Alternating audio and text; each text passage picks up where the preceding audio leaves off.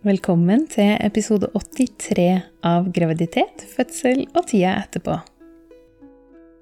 Mitt navn er Anette Hummel, og jeg er doula. Jeg jobber mest i Trondheim, og i tillegg så har jeg en del digitale muligheter for folk rundt omkring i landet, sånn at jeg kan støtte deg i graviditet, fødsel og barseltid. I denne podkasten har jeg masse spennende gjester. Både kvinner sånn som deg, som forteller sine fødselshistorier, og ikke minst masse spennende eksperter som deler av sin erfaring og sin kunnskap rundt graviditet, fødsel og tida etterpå. Enkelte episoder er soloepisoder der jeg deler av min kunnskap og min erfaring som doula. Innimellom så vil du også høre at jeg reklamerer litt for mine egne digitale eller fysiske produkter her i Trondheim. Da jeg føda min datter Pippi, så hadde jeg en helt fantastisk fødselsspilleliste som virkelig geleida meg gjennom fødselen på en nydelig måte. Og jeg kan jo ikke holde den for meg sjøl, så hvis du også har lyst til å ha denne nydelige spillelista, så kan du gå inn på anettehummel.com spilleliste. Nyt dagens episode. I dagens episode så er det Irene som skal fortelle sin fødselshistorie. Irene er forlova med Erik og mamma til Ine. Hun er samfunnsengasjert, miljøbevisst og prisbevisst, og er 33 år og jobber som lærer. I fødselshistorien til Irene så får du høre om en prematur fødsel som faktisk ble en skikkelig fin opplevelse. Det går også an å føde en baby fem uker for tidlig og likevel ha en ordentlig fin fødsel, sjøl om man ikke har rukket å verken pakke fødebag eller skrive fødebrev. Hjertelig velkommen hit, Irene. Takk for det. I dag skal du få lov til å fortelle din fødselshistorie. Eh, men før vi hopper inn i den, kan ikke du fortelle litt om deg og din familie? Jo, eh, den er jo den lille familien min, som består av meg og Erik. Vi er forlova og skal gifte oss nå i, i høst. Åh. Så, ja, så det gleder vi oss veldig til. Ja, det skjønner jeg. Ja. Og så har vi ei datter som er eh, sju og en halv måned Ja. gammel. Mm. Mm, cirka like gammel som min Pippi, eller litt yngre. Ja, litt grann yngre. Herlig. Mm. Å, det, det er så fint. Det skjer så mye, syns jeg. Ja. Med liksom utviklinga, og jeg syns det er helt sånn Noen ganger så blir jeg helt sånn sjokkert. Jeg våkner om morgenen og så bare Hva har skjedd i natt? ja, ja, hun hadde en natt her hvor hun, hun har begynt å stå på knærne og gynge litt sånn, liksom den treninga frem mot krabbinga. Så Ja. det var en natt hun sto og holdt på med det på natta. Å, det der, altså. Det, det er så slitsomt når de er sånn der Jeg kan ikke sove, for jeg bare trener hele tida. Jeg har ikke tid til å sove. Jeg må lære meg å krabbe, jeg må lære meg. Nei, jeg er veldig bortskjemt. Hun sover hele natta. Åh, Det- det- Vi ammer, ammer mye på natta, da, men eh, det er bare sove videre. Ja. Å, det er deilig, da. Mm. Mm, det er godt. Ja. Og det er jo den fødselshistorien du skal fortelle i dag. Har du lyst til å starte med å fortelle litt om svangerskapet? Hvordan var det? Eh, Det gikk jo veldig fint. Eh, Man kommer jo ikke utenom at man sammenligner seg litt med andre. Så Mm. sammenlignet med andre så brukte jeg litt tid på å få mage, og det syntes. Eh, Det var sånn at jeg rakk å glede meg liksom til det. Mm. Så jeg, det er litt vanskelig med det der tidsforløpet å på en måte huske alltid riktig tid. Altså sånn, eh, men eh, det kom litt sent, da. Så, eh, så når jeg begynte endelig å vises og sånn, så var det sånn ordentlig kul og ja, det var veldig stas. Men Ja. eh, så jeg, jeg rakk vel akkurat å komme over den bøygen hvor det het eh, Het eh, Hva heter det?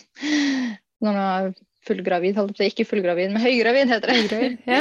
Høygravid, ja. Så det rakk jeg å være lite grann, da. Eh, før eh, Ine kom fem uker for tidlig. Så jeg slapp jo alt den tyngste perioden. Mm. Men jeg kjente litt sånn antydninger til smerter i bekkenet, så jeg fikk en 20 eh, eh, sykemelding fra jobb. Ja. Det gjorde jeg. Så jeg, jobb, jeg merka det de første planleggingsdagene vi hadde på jobb da, etter sommerferien og sånt. Da, da eh, gikk det jo kjempefint. Og så begynte jeg å jobbe som vanlig lærer, holdt jeg på å si, når eh, elevene var på plass og skulle gå til og fra klasserommet og sånt. Og da, eh, da kjente jeg litt antydning til det. Og jeg tenkte jeg skal ikke drive og presse meg, jeg går raskt og sier ifra. Og da fikk jeg en sykemelding, sånn at jeg hadde litt færre arbeidsoppgaver og kunne liksom gå litt mindre i korridorene og sånt. Så det, Mm, det er kjempelurt. mm, så det hadde jeg hele veien, egentlig. Sånn at, eh, sånn at det gikk fint å gå i 80% stilling. Ja, så fint. Mm. Men det er jo det som er så bra. ikke sant? Nettopp, jeg tenker nettopp fordi at du var tidlig ut og fikk litt færre arbeidsoppgaver eh, Mm. tidlig nok, så trengte du Mm. kanskje ikke å bli 100% sykmeldt. Ja. Mens man kanskje ofte da, så, så tenker man at nei, nei, men det her tåler jeg jo, det går greit, ikke sant? Og så Mm. pusher man og pusher man og pusher man, og så kommer man Mm. noen måneder senere, og så har man slitt seg helt ut, og så må man bli Mm. 100 sykmeldt i stedet. ja. Så det er jo kjempelurt å være tidlig ut. Mm. Og jeg hører jo så mange som gjør det, eh, og som presser Mm. seg, så sier de etterpå åh, hvorfor gjorde jeg det? Ja. Og i min jobb så er det jo sånn at det er jo hvis jeg får redusert arbeidsmengde, så gjør det ikke bare på gåinga, jeg får også litt mindre å planlegge ofte hvis det er noen timer jeg tas ut av sånn. Så Ja. ja, jeg tenkte det var bare Jeg tar med meg den tiden jeg kan få. Jeg, jeg merka jo også at jeg ble trøtt. Det var jeg jo. Ja. I hvert fall første, første trimester så trengte jeg å sove mye. Ja. Mm. Det er ikke for pysa å være gravid, altså. Det kan være ganske heavy greier. Ja. Mm. Men det var et veldig fint svangerskap. Det var ingen plager, og jeg hadde ikke svangerskapskvalme eller altså. Så, Så jeg kom veldig godt ut av det. Mm. mm, så fint. Ja. Men rakk du å, å tenke noe særlig på fødsel? ja, veldig mye. Ja, fortell om det. var, ved siden av jobb så studerte jeg litt òg, og vi puster opp huset, så det var liksom alle ballene var i lufta på en gang. eh, men jeg, altså, det var sånn forberede meg til fødsel var liksom en av de tre hovedoppgavene jeg hadde på høsten, eh, for jeg la litt oppussinga la jeg til side og lo- overlot til Erik. da, eh, Og så forberedte jeg masse, masse til fødsel ved siden av Mm. studiene. Mm. så ja, for det var liksom Jeg innhenta liksom informasjon og eh, Jeg bare liksom forberedte Jeg starta Jeg husker når jeg, da jeg ble gravid, så jeg var jeg jo først glad, og så gikk jeg over til å grue meg litt Mm. i første trimester. Og så tenkte jeg nei, jeg kan ikke gå og grue meg helt til fødsel, det er jo veldig bortkasta tid. Så jeg tenkte det skal jeg vente med til nærmere fødsel. og så jo, når- liksom, jo nærmere Eller så jo når jeg ble mer gravid, da, så jeg liksom, så bare bikka det over til at jeg tenkte at jeg begynte å forberede meg naturlig. Jeg fikk låne en bok, og jeg begynte å følge nyttige folk på Instagram og sånne ting. Mm. Og da eh, var det ikke noe poeng å gå over til å grue seg, for da begynte jeg å forberede meg i stedet for, liksom. Så lurt. Ja. Og da var det på en måte ikke noe å grue seg til på samme måten, for da visste jeg hva jeg, hva jeg gikk til. Mm. I Ja. større grad enn jeg gjorde før, da. Mm. Absolutt, men det, det er en veldig godt poeng, altså. For at, det, Mm. Jeg tror også veldig på det at veldig ofte når vi er redd, så har mye av det å gjøre med at vi ikke vet. Mm. Det er frykten for det ukjente veldig ofte. Mm. Så det hjelper å, å informere seg og finne ut hva er det her faktisk, hva går det Mm. ut på? Ja. For jeg veit med meg selv at jeg ikke er glad i smerte. Mm. Jeg liksom Ikke hold hardt i meg. eller- Altså, jeg føler at jeg, jeg sier raskt ifra hvis jeg syns noe er vondt. Det vil jeg helst unngå. Ja. Så det var det jeg var litt sånn Uff, hvor vondt er egentlig den fødselen? det var jeg veldig spent på. Ja.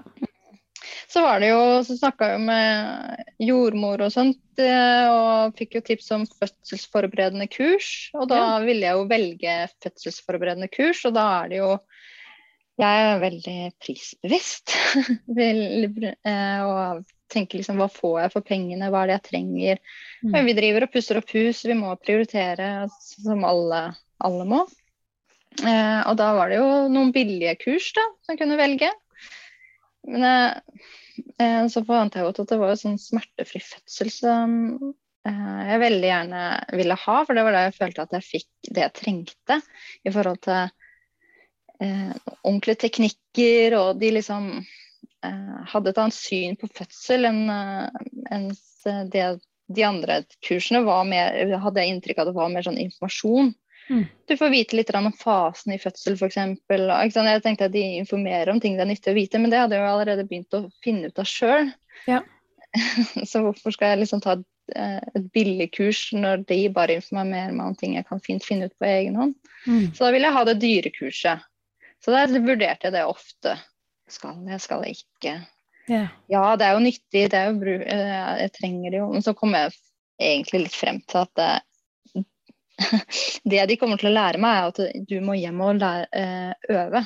Du må hjem og puste og mm. øve. Og så må jeg fortsatt gjøre all jobben hjemme selv. så, jeg tenkte, eh, så jeg kom liksom frem til at OK, jeg må jo uansett hjem og øve, så da kan jeg jo egentlig fortsette med den jobben jeg gjør med å forberede meg og, og innhente informasjon og, og, finne ut selv hva det er jeg må øve på når, når det er det det står på. Mm. Det var det jeg landa på, så jeg endte ikke opp med å ta noe kurs, men jeg forberedte meg masse. Men hvordan visste du hva du skal øve på, da? Ja Jeg hadde bestilt bøker da, på biblioteket. Mm. Så det var et veldig godt spørsmål. Men eh, ja, så jeg undersøkte jo på en måte hva det kalles positiv fødsel og smertefri fødsel og eh, ja, sånne begreper som jeg liksom plukka med meg. og prøver å undersøke hva det går i, googler. Og så endte jeg opp med å bestille bøker på biblioteket, da. Og de var det veldig populære, det var ventelister og sånn, så jeg passa på å på en måte bestille sånn at jeg skulle ha det i god tid. Lurt. Mm. Men det, det, er egentlig også et veldig godt tips, det å, å bestille bøkene på biblioteket. For du, du trenger jo ikke å, å, kjøpe alle de bøkene. Altså, Nei jo, de færreste er jo sånn som meg som veldig gjerne vil ha de bøkene, for jeg vil lese dem igjen ja, ja. og igjen og igjen. Men, men, for de aller fleste så trenger du bare å lese den én gang, og da kan du levere den tilbake på biblioteket. Mm. Mm. Ja. Men uh, siden jeg endte jo opp med å gå veldig tidlig i fødsel, da, så uh, For planen min var å liksom gå inn, ta inn støtet på en måte på forberedelsene til fødsel når jeg hadde levert eksamen. Ja. Eh, da skulle jeg liksom gå fra forberedelse sånn mentalt til å faktisk praktisere forberedelsene. Som øve mm -hmm. litt og ja, vis, inkludere eh, kjæresten min enda mer. da. Eh, gå gjennom noen fødestillinger med han og sånt og sånn. Og så skulle jeg være litt forberedt. Og, altså, ja, det skulle jeg gjøre etter jeg hadde levert eksamen. Men så gikk jeg jo i fødsel før, før vi kom dit. ja, sant.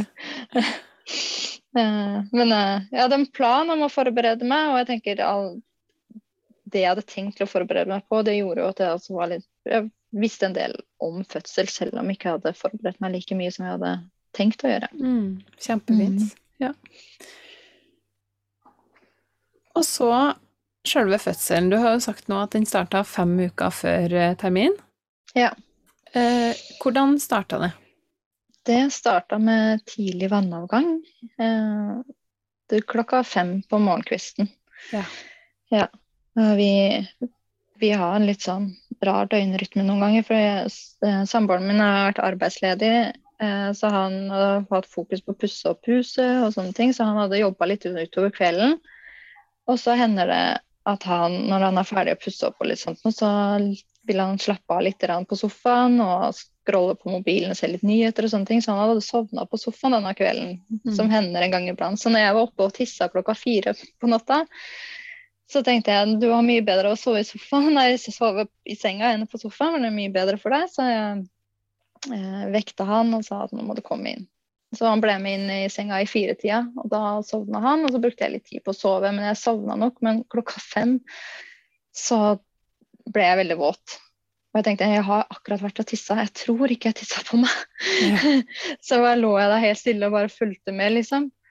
Og så kom det mer. Og da mm. tenkte jeg nei, jeg tisser ikke på meg, dette er noe annet. Så da måtte jeg vekke han eh, igjen eh, og si at eh, Erik, jeg, jeg trenger hjelp. Eh, så prøvde jeg å ta, holde meg rolig og forklare sånn at han ikke skulle bli for stressa. Og så si at jeg trenger noen håndklær.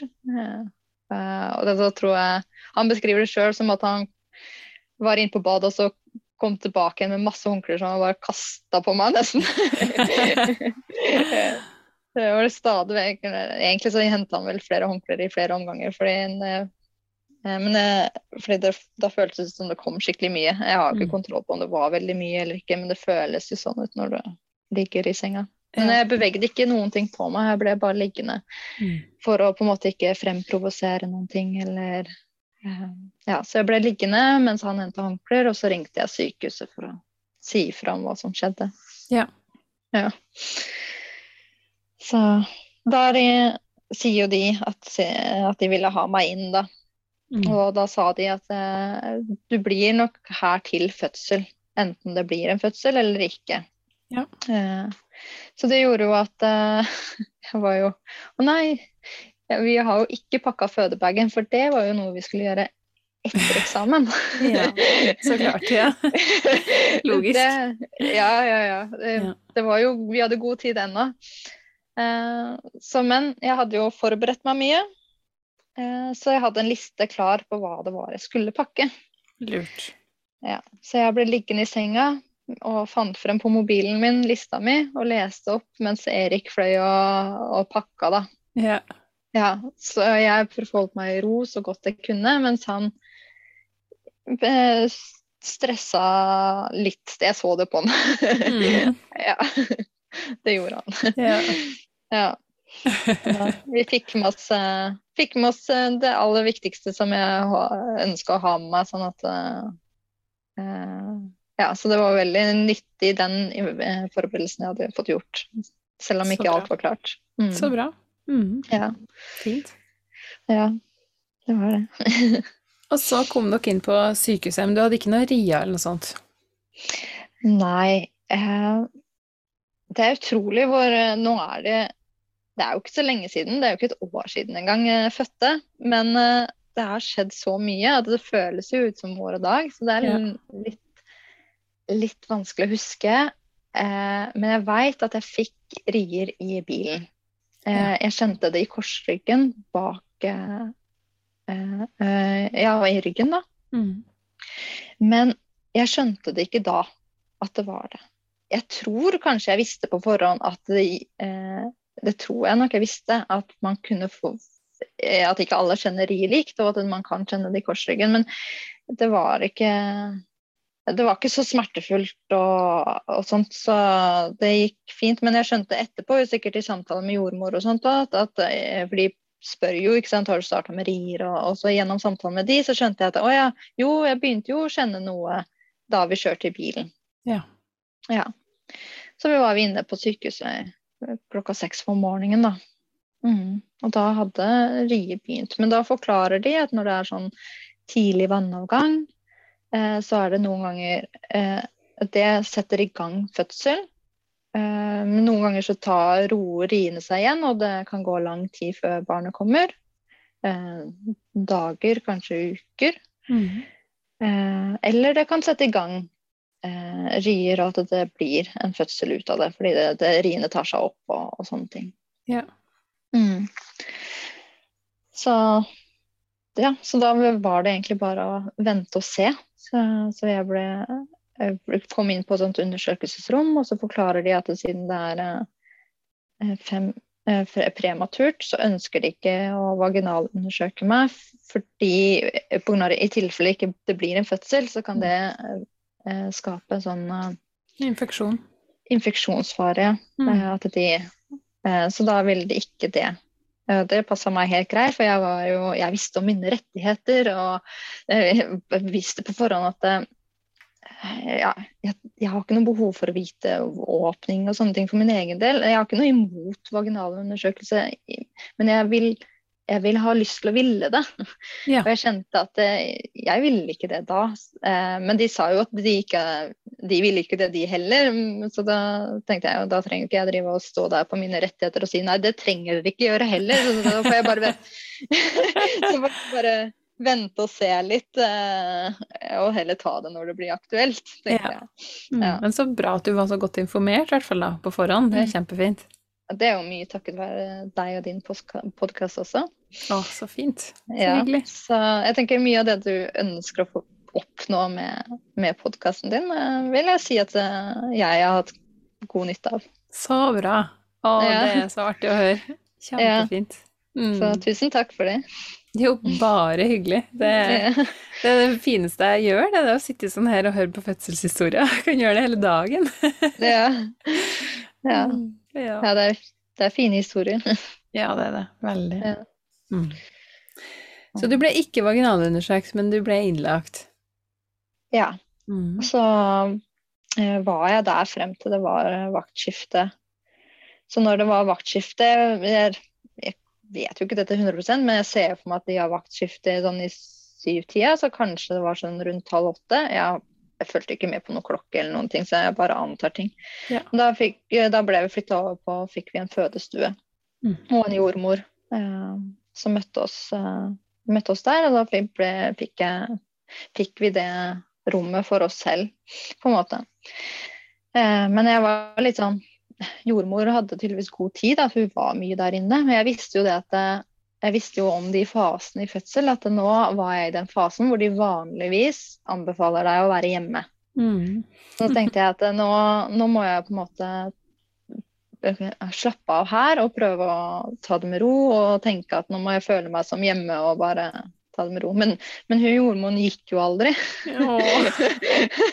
Hun var jo bare der, for hun hadde jo så god tid. Og liksom. Ja. Ja. Så etter hvert så når det ble liksom prat om å hvile og sånne ting, så eh, fikk vi på en eller annen måte ordna det sånn at vi fikk inn en seng til, sånn at jeg og, jeg og Erik kunne hvile litt. Fordi han hadde jo vært oppe hele natta. Mm. Så jeg visste jo at jeg trengte han senere i fødsel, så om ikke jeg trengte å hvile, så trengte i hvert fall han å hvile. ja, ikke sant? Lurt. Ja. Veldig lurt. Så fikk vi inn en seng til, da, og så lå vi og prøvde å slappe av litt og sove litt. Ingen av oss sov noe, men uh, da prøvde vi i hvert fall. Ja. Og så på et tidspunkt så måtte jeg opp og tisse, og etter det så fikk jeg ikke lagt meg igjen. Mm. da, da Det var ikke så veldig mye utstyr på det rommet. Det var ikke noe badekar, f.eks. Eh, ikke hadde det noe mye Det var en sånn yogaball der inne som jeg så fikk øye på. Tenkte jeg kanskje kunne være greit. Men eh, jeg kjente at jeg hadde lyst på en sånn prekestol, så det spurte jeg om de hadde. Mm. Eh, Så da gikk de og henta en sånn prekestol til meg som jeg, jeg gikk, gikk mye i den frem og tilbake. Og, og da tok jo riene seg opp. Ja. Mm. Men jeg, jeg kjente det hovedsakelig korsryggen. Det var der jeg kjente riene mine. Mm. Og det eh, jeg, Under svangerskapet også, så hadde Vi var inne faktisk til en undersøkelse noen få dager før fødselen. Jeg fødte på mandag, eh, og torsdagen før så hadde jeg fått eh, Jeg hadde litt sånn høyt blodtrykk, eh, og så hadde jeg fått noen flimmer for øynene på slutten av arbeidsdagen. Så da ringte jeg føden og så sa så de ville ha meg inn til undersøkelse. Da hadde vi vært inne og bare undersøkt. Eh, og da var alt fint, og blodtrykket var ikke høyt lenger og sånn, så det var så det var heldigvis fint, det. Men da, under, da hadde de sånne apparater på meg og, og spurte om skinner og sånt. Og jeg hadde ikke kjent noe særlig til skinnere tidligere. Men jeg var sånn, ja, men du har en skinner nå. Ja. men den var litt stram på, så den trigga litt tynnere. Og jeg bare å, er det det som er skyndere? Jeg trodde det skulle være vondere. Ja, det er så, det er så merkelig, fordi at man, man vet på en måte ikke hvordan det skal kjennes ut. Ja. Jeg hadde jo det samme sjøl. Altså, jeg er jo full av kunnskap om fødsel, og likevel så var det jo noen som fortalte meg at jeg hadde en kynner. Jeg bare Mm. Å, er det, er det en kynner? Ja. ja. Og det var bare litt, bare litt stramt, ja. ja. Men det er jo ikke noe plagsomt, liksom. Det har ikke jeg tenkt noe over engang. Nei. Nei, så det var liksom ved hjelp av de apparatene da, som gjorde at jeg ble liksom lært litt mer om hva skyndere var, og hvordan det opplevdes for meg. Ja, sånn var det nok med riene òg. Mm. Eh, at eh, det var ikke veldig vondt med rier for meg. Eh, og jeg kjente det jo og sånt. Eh, og eh, det er litt sånn, det er sant som de sier, du husker ikke så mye av smerten fordi det, er, en, det er litt der og da-opplevelse. Ja. Eh, men jeg veit jo at det var slitsomt, og de merka jo endring på meg. At jeg ble litt mer inneslutta og gikk og pusta og, og sånn. Ja, så jeg hadde jo på en måte hadde jo vondt på en eller annen skala. Det hadde jeg jo. Mm. Men det var veldig tolererbart med, med rier, i hvert fall. Ja. Mm. Ja. Mm. Så bra. ja. og det, det blir på en måte en veldig eh, Det har veldig stor betydning for hvordan fødselen min går videre òg. For når vi kommer til, til pressrier, så er det sånn at det, jeg kjenner Jeg har ikke så vondt og har ikke kjenner det ikke så godt i hele kroppen eller sånn at jeg har sleit faktisk med å vite når jeg burde presse. Ja. Og, jeg ikke, og, ikke, hadde jeg øvd på pusting, sånn som jeg hadde håpet å gjøre. Mm. Så det var kjempevanskelig å vite når jeg skulle trekke inn pusten, og når jeg skulle holde pusten liksom sånn for å presse, og når jeg skulle liksom puste ut og mm. eh, Fordi jeg, eh, jeg kjente ikke riene godt nok og jeg kjente ikke når det bygde seg opp, og når, den, liksom, når det pressa til å vite når jeg skulle puste og kombinere dette. Eh, så jeg hadde Det var vanskelig gjennom hele fødselen, men, eh, men samboeren min gjorde det enklere for meg. For han, han merka jo allerede eh, Han visste jo det fra den første gang vi var inne og undersøkte. og vi så på det apparatet når vi så på disse skinnerne, at eh, han kjente så liksom, at det bygde seg opp, og det samme gjorde han med, med riene, At han så når det bygde seg opp, så han sa ifra at nå, nå kommer det. og sånn, Så vi ble, fikk liksom et samarbeid der, da. Mm. Eh, selv om jeg Så jeg hadde sikkert syntes det var jeg vet nesten ikke om jeg hadde klart det uten han, for jeg syntes det var kjempevanskelig med han. Ja. Ah. så, så godt at han kunne være en sånn støtte for deg, det er jo helt nydelig. Ja, så det, det er mm. en veldig støtte som er vanskelig å sette ord på. Mm. Ja. Hvordan hadde han forberedt seg til det? Nei, han hadde ikke for, eh, Vi hadde gjennom hele svangerskapet hørt på den Babyverden sin podkast om mm. uke på uke og sånt, og følte liksom litt med. Og jeg snakka noen ganger med han underveis om hva det var jeg forberedte meg på og litt sånt, Men uh, jeg hadde jo ikke satt inn støtet. jeg hadde ikke liksom uh, satt av Jeg hadde, hadde tenkt at vi, nå må vi liksom sette av uh, noe tid, kanskje en times tid eller et eller annet en kveld hvor du liksom snakker om fødsel. Jeg hadde jo f.eks. nevnt til han hva jeg hadde skrevet, tenkt å skrive fødebrev og sånn, men det hadde bare vært litt drypp her og der. Mm. Ikke den skikkelig Så han kjente jo litt til noe, men jeg mm. Mm. Det gjorde han. Men jeg hadde ikke fått den skikkelige forberedelsen. Nei. Nei. Vi gikk glipp av noen uker der. Ja, men han var jo bare naturlig, naturlig flink. Så deilig, da. Ja. ja. Så det var veldig bra. Kjempefint. Mm. Ja. Hvordan gikk det videre da? Ja Nei, siden vi snakker litt om smerter og sånt, da, så Eh, det jeg husker var vondt, og som er en smerte som jeg ikke hadde hørt om, egentlig, det var eh, eh Jeg beskriver det som eh, at eh, jeg kjente at bekkenet åpna seg. Mm. Så det var liksom eh, overgangen sikkert i, fra en fase til en annen, mm. før presseriene. Ja. Overgangsfasen. ja. Det, det tror jeg kjente, og jeg tenkte OK, det er dette som var vondt. Dette er en smerte jeg kommer til å huske. Altså, sånn, jeg husker jo ikke selve smerten, men jeg husker at jeg syntes det var vondt. Ja. Ja. Men det var for så vidt kortvarig, for da gikk det over til å være presserier. Og det, det var selvfølgelig eh, noe smerte i det og sånt. Eh, og vondt. Og, men jeg gikk liksom helt i min egen boble, og jeg klarer ikke å beskrive det nå. Og det en smerte som er forbi og, og glemt. Ja. Eh, noe du liksom skal jobbe med der og da. Jeg, jo, jeg husker jo det var et tidspunkt hvor jeg tenkte Klarer jeg dette? sånn, og du har litt lyst til å gi deg, liksom. Men eh, det er jo da eh, forberedelsen er til hjelp. At du, du må heller si til deg sjøl at dette klarer du, og du ja, eh, mm. Mm, overbeviser seg sjøl. Og det er også en veldig vanlig tanke å ha i fødsel. Mm. Ikke sant. Det her klarer jeg ikke, nå, nå gir jeg opp, ikke sant. Ja. Det er jo De aller fleste har, kommer til det punktet at de bare ja. Det går ikke. ja. Men så går det jo. Mm. Mm. Jeg var eh, forberedt på at det kunne gå, gå fort, fordi min kropp ligner veldig på mamma sin kropp. Og mm skal man forvente noe av fødsel, så kan man jo se til sin egen mor. Det er jo mm. aldri sånn at det blir likt, men da kan man i hvert fall vite noe mer om hva man kan forvente. Ja. Og hun eh, Så det er hennes fødselshistorier har jeg veldig med meg, spesielt hennes fødselshistorie med, med meg. Mm. Fordi den er så spesiell eh, at det endte en lang historie kort det er jo at jeg endte opp med å Jeg ble født i gangen hjemme hos min farmor. Ja. De bodde der fordi det skulle være nærme sykehuset.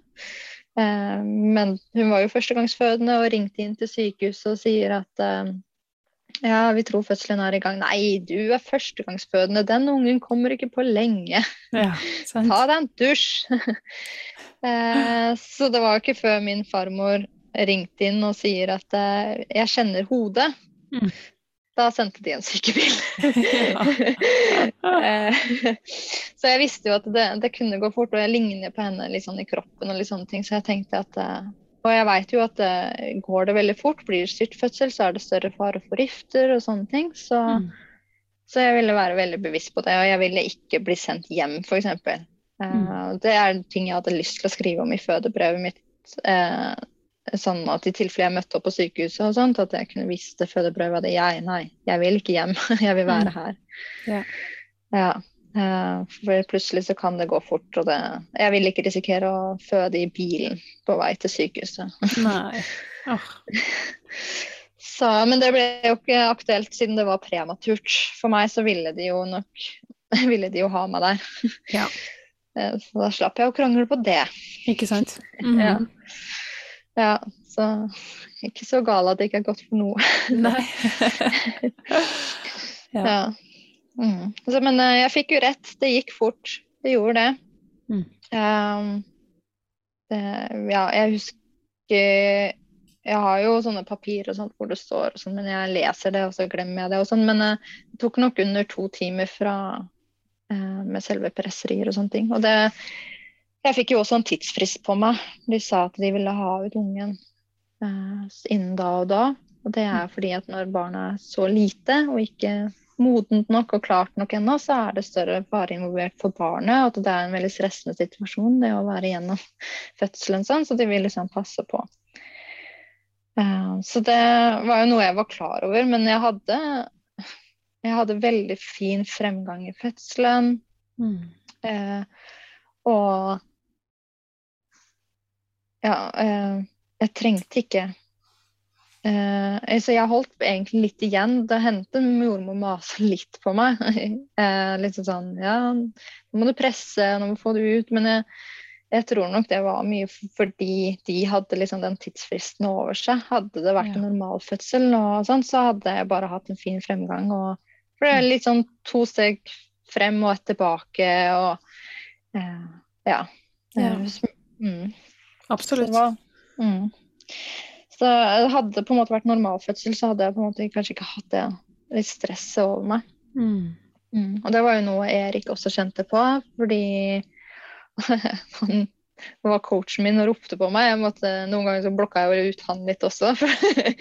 Eh, Men eh, han så jo på en måte hele bildet. Det er jo så mye som skjedde under fødselen som ikke jeg fikk med meg. For jeg Mm. var i min egen boble. Og han så jo at de sto der med klar til å ta barnet med, med vakuum. Ja. Ja. Eh, og det var Jeg også fikk jo med meg det på slutten. Eh, at nå var det like før de ville trå til. Så det var siste pressriet. Mm. Hvor jeg presser henne ut. Eh, og får ikke ut. Jeg sliter jo også med å pusten og pressing og det liksom det føler jeg gikk over stokk og stein. Eh, så jeg tror også jeg, forts jeg fortsetter etter pressria, og bare fortsetter å presse og presse. Og det var liksom eh, og bare, Jeg skjønte at den måtte ut, og hun kom ut før de trengte å, å gripe inn. Mm. Og det er jeg så takknemlig for, for jeg vet ikke ikke hvordan de hadde snakka med meg. Så, eh, jeg visste jo at de måtte gjøre noe, men, eh, men hadde, hadde de snakka med meg, eller er det så kritisk at de bare må tre, trå inn? Mm. Men for jeg tror de er så De gjør sitt beste, og de har sine ting, men jeg mangler liksom litt sånn samarbeid noen ganger. Jeg er veldig bekymra for, eh, for hvor, hvor gode de er på å involvere meg. Ja. Men jeg slapp jo unna å finne ut av det. Det Mm. gikk. Ja, Og så er det jo også spørsmålet på en måte, hvor nødvendig var det å ta fram vakuumet, hvis at du da bare noen minutter etterpå pressa ut Ja. Ja, det er nettopp det. Det er jo et spørsmål som Jeg jeg, kunne tenkt meg å stille, da. Ja. ja, for jeg hadde jo så god fremgang. Men det er jo det, det er det bekymringa for det barna at det er prematurt. da. Ja. Og så har man jo den der Apgar-scoren som er etterpå når barnet blir født, som man ikke skal legge for mye vekt på. For det er jo Det trenger ikke å være noe galt med barnet bare fordi hun ikke får toppscore der, liksom. Det er bare sånn man eh, følger med på for det Mm. en liten pekepinn. Men eh, ja, men, jeg ble jo litt stolt allikevel når hun kommer ut fem uker for tidlig med 10-10-10, som er liksom alt er tipp topp. ja. Oi! Men det er jo bare et tegn på at jeg er så glad for at ikke de trengte å gripe inn. For det, jeg tror det, alt står bra til med henne. Ja. Heldigvis. Å, så godt. Ja. Så. Men du, du pressa henne ut. Hvilken stilling var du i da? Det har jeg lyst til å vite. Jeg sto på knærne. Det. Nesten ja, hele tiden mens jeg pressa, så var jeg nesten alltid på knærne. Jeg var mye nede på gulvet og fikk uh, dyner, og jeg bare Få den dyna! Få den under Jeg må ha noe polstring på knærne. Ja. Gi meg det. Så var det på et tidspunkt hvor de spurte om ja, vil du prøve å komme opp i senga. Det blir jo bedre arbeidsstilling for de sikkert, så jeg klarte å kravle meg opp i senga da. Ja. Du satt på kne da videre i senga? Ja. Og det var jo Jeg hadde ikke forberedt meg veldig mye på fødestillinger. Jeg hadde bare lagra noen linker til det liksom Se på disse senere. Mhm. Eh, så jeg kjente liksom til litt, men jeg hadde ikke forberedt meg mye. Men jeg allerede hadde en liten elsk på det å stå på knærne eh, fremoverlent. Mm. Eh, og følte at det, det tror jeg at jeg vil like. Ja. Eh, jeg var på et tidspunkt også i en sånn fødestol. Ja, en sånn krakk? Ja, sånn krakke, som jeg satt og pressa litt i òg. Men eh, jeg ble ikke så lenge der, tror jeg. Uh, ja. Mm.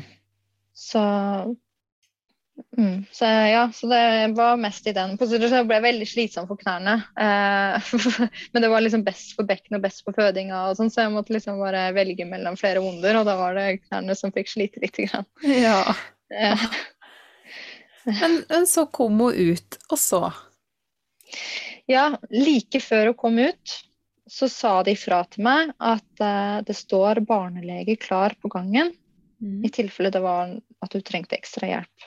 Ja. Eh, for de visste jo ikke helt hvordan det sto til med henne. Og det er jo tøft med fødsler og sånt, så de sa ifra om det. Så når hun kommer ut, eh, så er det noe som skjer, noen som snakker eller noen som gjør et eller annet, som skal egentlig motivere meg til å ta henne imot og få henne opp, at jeg skal løfte henne opp. Men jeg skjønner jo ikke at jeg skal gjøre det. For jeg har fått beskjed om at det står barnelege klar på gangen, så jeg var sikker på at hun skulle ut. Ja. Så jeg, var, jeg skjønte ikke at, eh, at jeg skulle ta henne imot. Jeg bare Å ja, skal jeg ha henne? Så, så det var jo egentlig bare fint, men litt sånn forvirrende. For jeg hadde liksom tatt den beskjeden som at eh, Jeg skjønte det som at hun skulle ut. Men det var jo på en måte bare positivt, det. Da, for hvis hun skulle rett ut og trengte noe ekstra hjelp, og sånt, og så, eh, så var jeg i hvert fall forberedt på at det ikke jeg fikk henne. Så det var jo Ja. bedre at det gikk andre veien. ja. Ja. Ah. Så det var det jo. Ja, så visste vi jo ikke hvilket kjønn det var. Det hadde vi holdt eh, skjult, hemmelig. Eller, ja, mm. det visste vi ikke. Så det også husker jeg ikke så mye av. Det fikk vi liksom vite på et tidspunkt. Bare, ja, det, Ja. det viste seg at det var ei jente. Du sjekka det ikke sjøl, det var noen andre som, som sa det? Ja Ja. Vet ikke. Nei, jeg, bare, jeg husker så lite fra, fra akkurat den eh, der. Det er sånn jeg har sett på bilder nå etterpå. eh, Så jeg, ja, så jeg ser jo at jeg fikk opp til brystet. eh, Mm.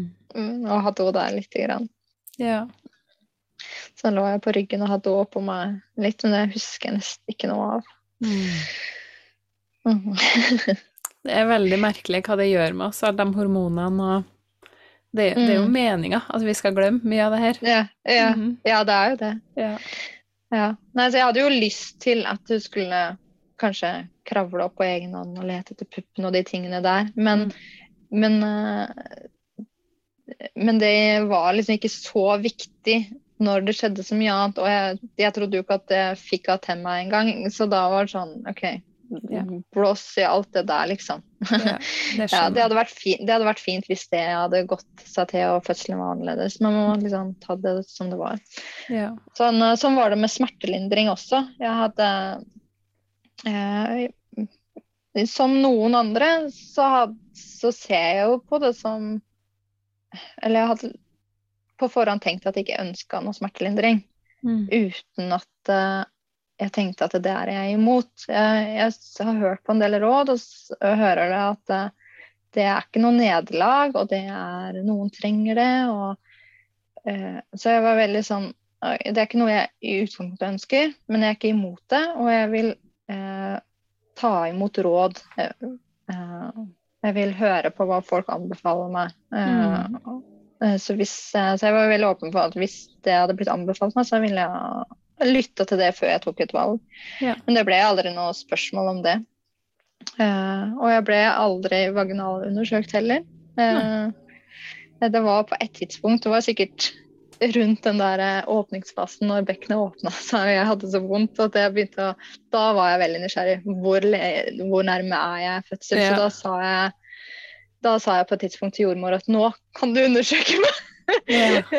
For da hadde de jo bare venta. Eh, venta hele tiden.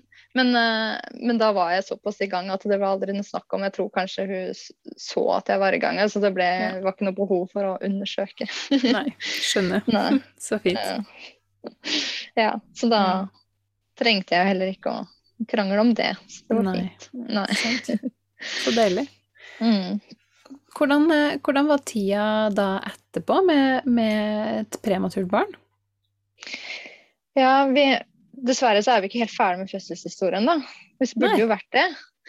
Eh, fordi nå er jo ungen ute og alt er fint og men eh, morkaka min kom ikke. Nei. Nei. Så da eh, var det Da var, kunne baby gå over til far og ligge på hans bryst, så det var jo koselig. Han har beskrevet etterpå som at det, det, var raskt. Hadde det var tidlig, og så var jeg jo så liten. Men Ja. uh, jeg trengte hjelp med å få ut morkaken. Mm. Det var, uh, det var litt av en jobb. Ja. uh, det, de dro i den Mm. i navlesnora og prøve å få den ut. Og da spenner jo jeg meg. Det var jo ubehagelig og vondt, Mm. så jeg spenner meg. Eh, og så prøver jeg å eh, Alt er litt sånn vondt og vanskelig, og jeg spenner meg, og det er sånn Det er vanskelig å snakke.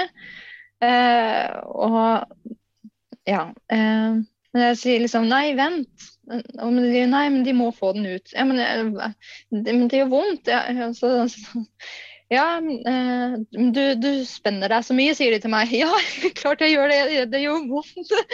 ja. Så på en eller annen måte så klarer jeg å få til samarbeid, eh, samarbeid og det var ikke det var, Jeg følte jeg, jeg føler ikke å overdrive nå, men jeg føler at jeg måtte lære de å samarbeide med meg. Ja. Eh, Det er sånn, ja, men, så de tok en pause da, når jeg liksom fikk sagt ifra at ja, men jeg trenger en pause. Og så sier jeg nå kan du prøve. Mm. Ja, OK. Og så dro de litt. Og så fikk vi liksom etter hvert da eh, en dynamikk hvor jeg får at jeg løfter opp hånda og det viser stopptegn, liksom. Og da tar de en pause, så får jeg puste litt. Og da får jeg forberedt meg litt, og så ser jeg, nikk, får jeg til å nikke litt med huet. Mm. Og da skjønner de at eh, ja, nå kan de dra igjen Ja. så får vi til et sånn samarbeid hvor jeg får tatt pauser når jeg trenger det, og de kan dra. Og da, da fikk vi det til. Og det Mm. følte jeg liksom at jeg måtte veilede de på å få til. Hvis ikke så var de bare opptatt av å få den morkaka ut for å unngå en operasjon og sånn. Men jeg ville jo også ha den ut. Mm. Jeg skjønte jo at jeg måtte det. Eh, men eh, de kan jo ikke bare dra i den uten at jeg er med på laget. Nei. Nei. Ja, så det var veldig spesielt. Men eh, jeg fikk litt sånn Vi prøvde med sånn lykke... Nei, hva heter det? Sånn gass? Ja, lystgass. Eh, Mm. lystgass, ja. Eh, så jeg vet ikke om det hjalp eller ikke, men da hadde jeg noe å puste inn i og noe å konsentrere meg om i tillegg. Så eh, ja, så jeg fikk det, da. Så kanskje det hjalp litt. Mm. Ja. Ja. Så fikk jeg ut morkaka også. Ja. Mm. Mm, Wow. ja. Det, det, som er, det som er så interessant, syns jeg, da, det er jo det at, at for, å, for å føde morkaka, for at livmora skal trekke seg sammen og mor, morkaka skal bli født, så trenger man oksytocin. Som er det samme som man også trenger i fødsel. Og det er jo Mm. Ja. kjærlighet, og det er ro, ikke sant? Mm. Men det som veldig ofte skjer når man begynner å bli bekymra for at morkaka ikke kommer, det er jo det fullstendig det motsatte. Man går i helt motsatt retning. Mm. Eh, og jeg tenker jo, jeg vet ikke om det her eh, Altså, det er, ikke, det er ikke forskningsbasert, det er min tanke. Og det er at Mm. hva, hvis vi, hva hvis vi heller kunne ha fokusert på naturlig produksjon av oksytocin i et sånt øyeblikk? Mm. Ja. Prøv det litt, før man på Ja. en måte går rett inn i nødmodus, ikke Mm. Ja. Eh, Men det, det er jo selvfølgelig fra tilfelle til tilfelle, ikke sant, og hvor lang tid det har gått og, Ja. og alt det der. Men eh, ja, det er Mm. min tanke. Ja. ja. ja jeg, vet, jeg ser ikke helt for meg hvordan jeg skulle ha produsert det selv. fordi jeg ville jo ikke hatt i datteren min på brystet mens dette pågikk. Jeg kunne jo selvfølgelig hatt fokus på å se litt mer på dem, men jeg, det var jo ganske tydelig for meg at jeg trengte jo hjelp. Mm, ja. Eh, Men eh, ja, Mm. absolutt. Hvis man har, I hvert fall hvis man ønsker det. Eller Ja, og tenker bare sånne, sånne små ting som, som Mm. det, det du sier, ikke sant, at når de begynte å samarbeide med deg, Mm. da ble det mye enklere, ikke sant? Ja. Og da er det også rom for at kroppen din kan produsere oksytocin. Mm. Så det er, Ja. ikke, det er ikke nødvendigvis veldig store ting som skal til, tenker jeg da. Det er ikke nødvendigvis det at du måtte ha dattera di på deg, eksempel, men Nei. bare det å bli møtt med, med liksom respekt og omsorg Mm. hjelper veldig. Ja. Mm. Ja. Ja. Mm. Men så kom morkaka da til slutt, Ja. etter en hel sånn uh, greie. ja. ja. Mm. Så da, da kan vi si at fødselen var, var over. Ja. Eh, og da fikk vi litt sånn tid på rommet, og jeg sa jo at jeg var, var sulten. Da var jeg så sulten. Ja, det skjønner jeg. Men da var det sånn Ja, du, får noe mat sånn part, eh, om litt. Jeg, jeg lurte litt sånn på der og da. Ja, kan jeg ikke bare få mat nå? Ja, Nei, jeg fikk mat etter hvert, da, så det var bra. ja det var bra. Ja. ja. Og så fikk jeg tatt en dusj, og det var ikke helt det jeg tenkte på med en gang. Jeg tror noen spurte meg vil du ta en dusj. Jeg var nei, vi gjorde ikke det. Men ja, og så tok det litt tid, og så ja, kanskje jeg, skulle, kanskje jeg skal gjøre det. Kanskje jeg skal ta meg en dusj. Mm. Ja. Ja, Mm. Og da, da var dere inne på det rommet og hvila dere og var sammen, og kom Mm. du i gang med noe amming da? Ja, da ble jeg lagt til brystet mitt. Jeg husker at jeg lå på sida, sånn at du- vi lå sånn sidene. Eh, og hun amma på meg. Men jeg hadde nok ikke noe melk ennå. Nei. Nei, men det har man jo ikke fra starten. av. Sånn. Mm. Ikke Så barn litt- som er født til termin heller. Så. Nei. Nei. Så vi fikk spørsmål om, eh, om, do, om det var greit med donormelk. At det var det jo. Ja. Eh, mm, så da fikk hun, har hun fått litt donormelk. Ja. Og det vet ikke om det var før eller etter, etter denne ammingen. da. Det vet jeg ikke. Mm. Eh, For da Det kan jo ha vært ting som ble gjort mens jeg holdt på med morkaka, eller, eller mens, Ja. jeg dusj, mens jeg dusja, så var det noen ting som ble gjort. Og jeg ser på bildene til, på mobilen til Erik at det er jo De hadde gjort noen målinger og undersøkelser og gitt henne litt melk og litt sånne ting som ikke jeg helt har fått med meg Nei. Mm. når det skjedde. Mm. Ja. Skjønner. Mm. Mm. Ja. Eh, hvor lenge måtte dere være på sykehuset? Eh, Vi fikk være der ni dager. Ja. Eh, Vi kunne maks være ti dager hvis det hadde vært behov på den avdelinga jeg ble lagt inn på. Mm. Og hvis vi hadde hatt behov for mer, så hadde vi blitt flytta på avdeling, da. Ja. Men eh, vi hadde veldig godt utbytte av ni, de ni dagene. Jeg hadde ikke noe hastverk med å komme meg hjem. Så fint. Fordi hjemme så hadde vi ikke noe gulv. Ja.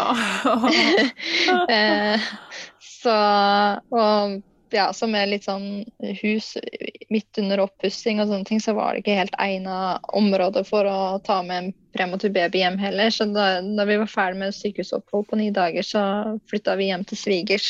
Ja. Fikk bo der. Så det var veldig, veldig fint. Men de ni dagene var hadde vi ro, og jeg kunne jo gå og spise og eh, Og ja. det som var spesielt fint, og bare flaks, dessverre Altså, Jeg kunne jo ønske alle hadde så fint sykehusopphold som det jeg hadde, men det var jo bare tilfeldig, fordi det, hun eh, eh Hun ble født eh, rett under to kilo. Hun veide 1994 gram da hun ble mm. født, og det er grensa for prematur intensiv eh, At hun skulle lagt inn på intensivavdelingen to under to kilo. Mm. Så hun skulle bli lagt inn der. Men der var det så høy kapasitet og så mye å gjøre. Og hun var jo så sunn og frisk og veide jo nesten to kilo. Så da ble vi heller lagt inn på, eh, på den andre sykehusavdelingen, eh, som ofte er for eh, de mødrene som det har kanskje vært keisersnitt med, hvor det ofte er noe med mor da, som er gærent, og ikke, ikke ja. barnet. Mm. Og da var det jo et gjengjeld ganske rolig, så vi, hadde, vi fikk faktisk et dobbeltrom for oss selv. Eller Første natta så delte vi rom med ei, men hun flytta, dro hjem, så da fikk vi dobbeltrom for aleine. Mm. Så deilig. Og det var akkurat det vi trengte, for hun, hun var så sunn og frisk. Hun var bare liten. Mm. eh, og jeg mangla melk, og, og, så vi trengte liksom bare hud til hud. Og, og så hadde jeg eh, Hun trengte å legges i lys, for sånn gulsot mm. eh, ett av døgna, så da lå hun ett døgn i det. Og på den avdelingen vi var, så hadde de sånn dobbeltlys, så hun fikk sånn dobbeltbehandling, på en måte. Ja. Eh, så hun lå der ett døgn, og, da, og så fikk hun ikke behov for mer. Da var det jo under oppfølging og undersøkte om hun kanskje trengte det igjen, men hun klarte seg med den ene, ene behandlinga. Så mm. fint. Så fikk jeg ammehjelp litt med hjelp med det også eh, litt sånn underveis. Vi hadde liksom sånn, litt sånn god tid på stadig nye dagene. Mm. Så bra. Ja. Herlig at dere ble så godt ivaretatt. Ja. Mm. ja, og så er det så, så synd at det bare var tilfeldigheter. Ja, og hadde hun blitt lagt inn på intensiven sånn som de ville ha det, så måtte jeg kanskje ligge på barselhotellet, og så måtte jeg bare komme og, komme og gå. Komme på besøk, liksom? På, ja. Ja, uff a meg. Ja. ja. Mm. Og det er jo veldig fint, det er veldig fint med en sånn avdeling hvor de har godt fagmiljø, og altså, de har det sånn som de, de trenger å ha det mm. for de barna som trenger det. Men det er, liksom, det er så forskjellig hva barna trenger. Det, vi trengte ikke sånn hjelp. Vi, hun trengte bare meg. Ikke sant. Ja, ja. absolutt. Det er mm. kjempefint at det gikk an å, å løse det på den måten. Ja. Mm. Flott. Og hvordan var det å, å komme hjem, skal du si, hjem til svigers, da, men ut av sykehuset? Ja. Nei, det var jo Vi var jo på pleiepenger, da, jeg og samboeren min. Mm. Eh, og siden vi var vi var jo ikke klare. Hun kom jo altfor tidlig. Ja. Hun var hjertelig velkommen, men, eh, men, ting var ikke klart. Vi hadde ikke gulv i stuen. og så Erik måtte drive og pusse opp ved siden. og sånn, så Mens vi var på sykehuset, så var han jo bare på besøk til oss eh, på dagtid. Og så dro han hjem og pussa opp på kvelden, og så var han litt sånn skyffeltrafikk. Så det fortsatte han med òg når vi var hjemme fra sykehuset. Mm. Eh, så han, han, hadde jo bare vært liksom på besøk, så når vi dro hjem fra sykehuset, så hadde han jo faktisk da har han sagt i ettertid at han lurte litt på hvorfor vi trengte pleiepenger begge to. Eh, men da når vi kom hjem, så, så skjønte han det, da. Ja. ja. Mm. da måtte vi jo på en måte bytte litt på. Jeg trengte å hvile og sove og ja. Mm. For det var jo mye det var jo mye greier. Det var sånn, Husk skal ha mat hver tredje time. Da skal du først prøve å amme litt, i tilfelle hun får litt på puppen, og for å stimulere melkeproduksjon og sånn. Mm. Og så når du er ferdig med det, så skal, da må jo, måtte vi veie henne før og etter måltidsveie for å sjekke hvor mye hun har fått i seg. Og da må vi da supplere i forhold til hvor mye hun skal ha i seg. Da, det måtte vi mate med sonde, sånn at du fikk maten gjennom nesa rett ned i magen. Eh, og når hun var ferdig med det, så, så, måtte jeg pumpe, for da er det ikke sikkert hun har For å stimulere melkeproduksjon og Eh, ja, så, og så måtte jeg pumpe, og det burde helst skje da innen en time. Eh, at jeg har fått pumpa. At jeg var så stressa med den pumpinga. Jeg drev masse med det. Mye jobb. Så, så det går jo sånn Ja, så det, det var veldig behagelig når vi kunne slutte med, sonden. At hun fikk i seg mat med flaske. Ja. Der fikk vi også god veiledning og hjelp å liksom introdusere det sakte og, og fint. Eh, sånn at, ikke, sånn at du, du takla både flaske og amming veldig bra. Mm. Mm. Og jeg, selv om jeg syns det var det tiltak å drive pumpe, noen ganger så utsatte jeg det. Jeg skal bare skylle disse sprøytene. Jeg skal bare Ja. Eh, men, eh, men eh, det gjorde Det hjalp, da. Vi klarte faktisk å På et tidspunkt så trengte jeg ikke noe mer morsmelkerstatning. Hun fikk nok melk av meg etter hvert, og da har vi gått over til å fullamme.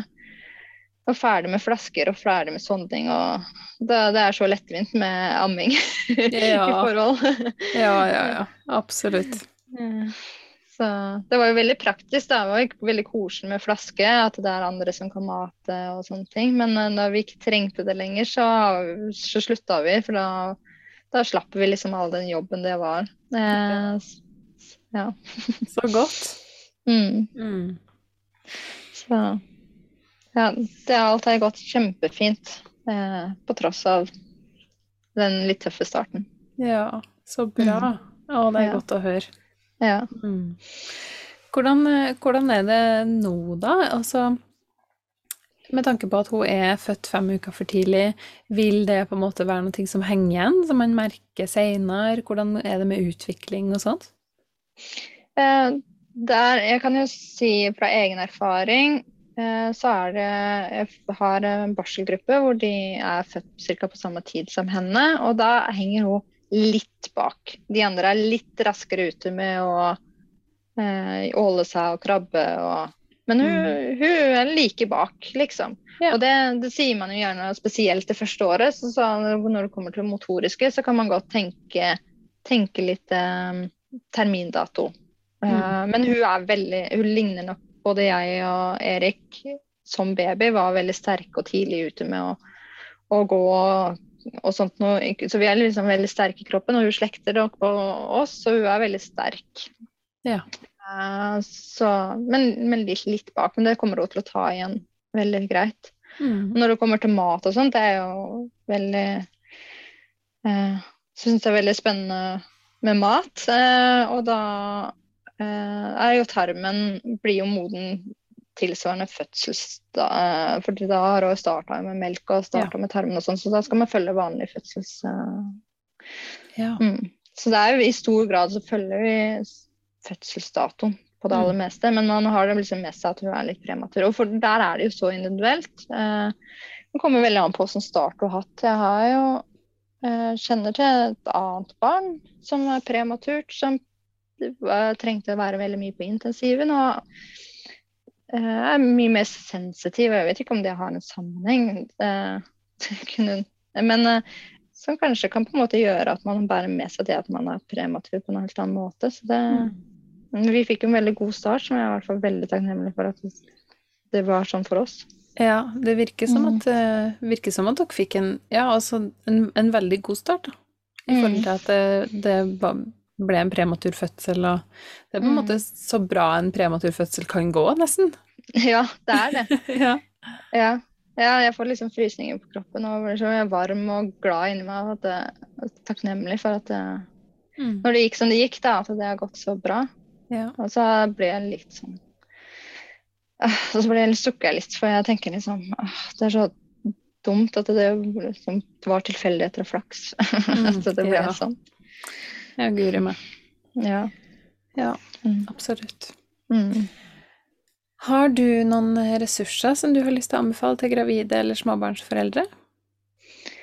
Ja, det, det har jeg. jeg det starta jo eh, utforskninga mi på Instagram. Eh, mm. Og har jo eh, har jo en del der som jeg eh, fulgte under graviditeten. Jeg måtte liksom hente litt frem igjen da, for å undersøke. For nå har jeg på en måte slutta å følge en del som har med fødsler, og begynt med ting som har med småbarn å gjøre. Ja, det skjønner jeg.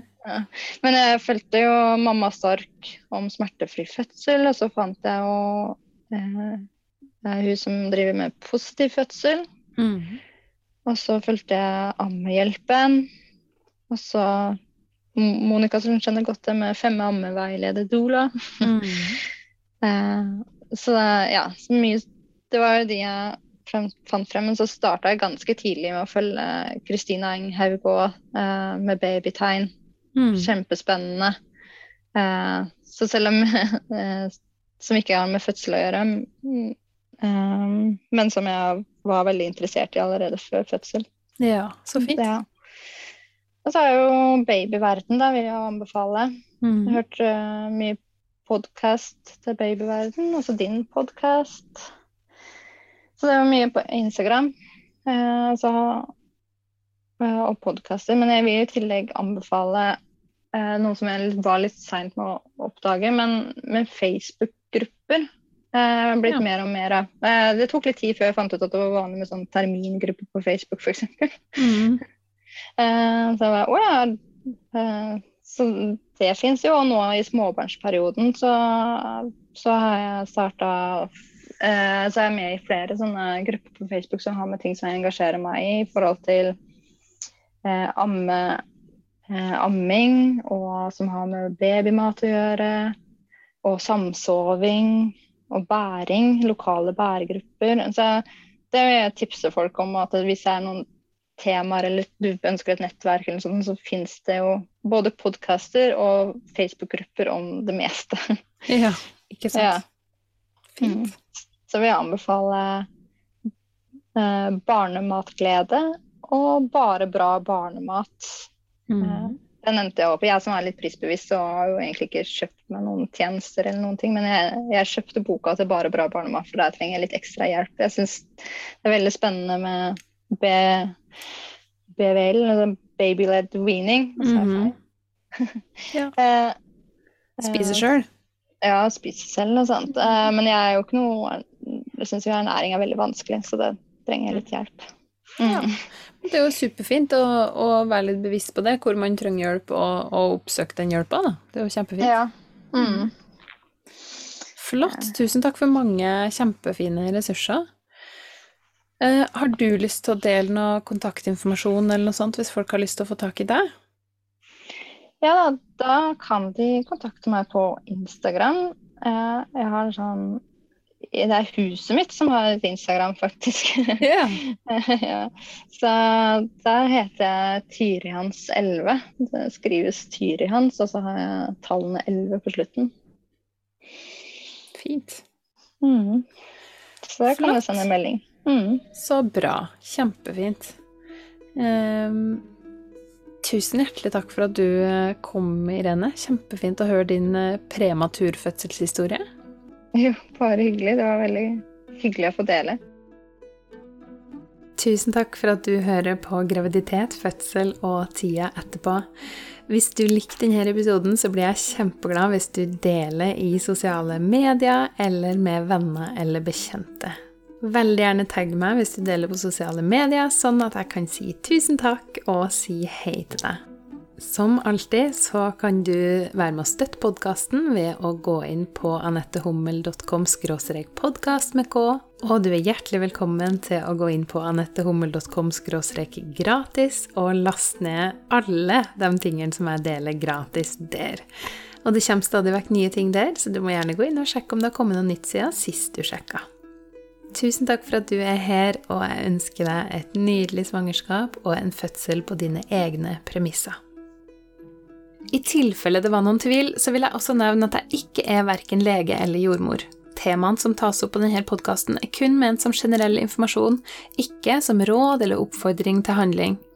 Hvis du har spørsmål eller bekymringer når det gjelder din egen eller ungene dines helse, så vil jeg på det sterkeste anbefale at du snakker med legen eller jordmora di.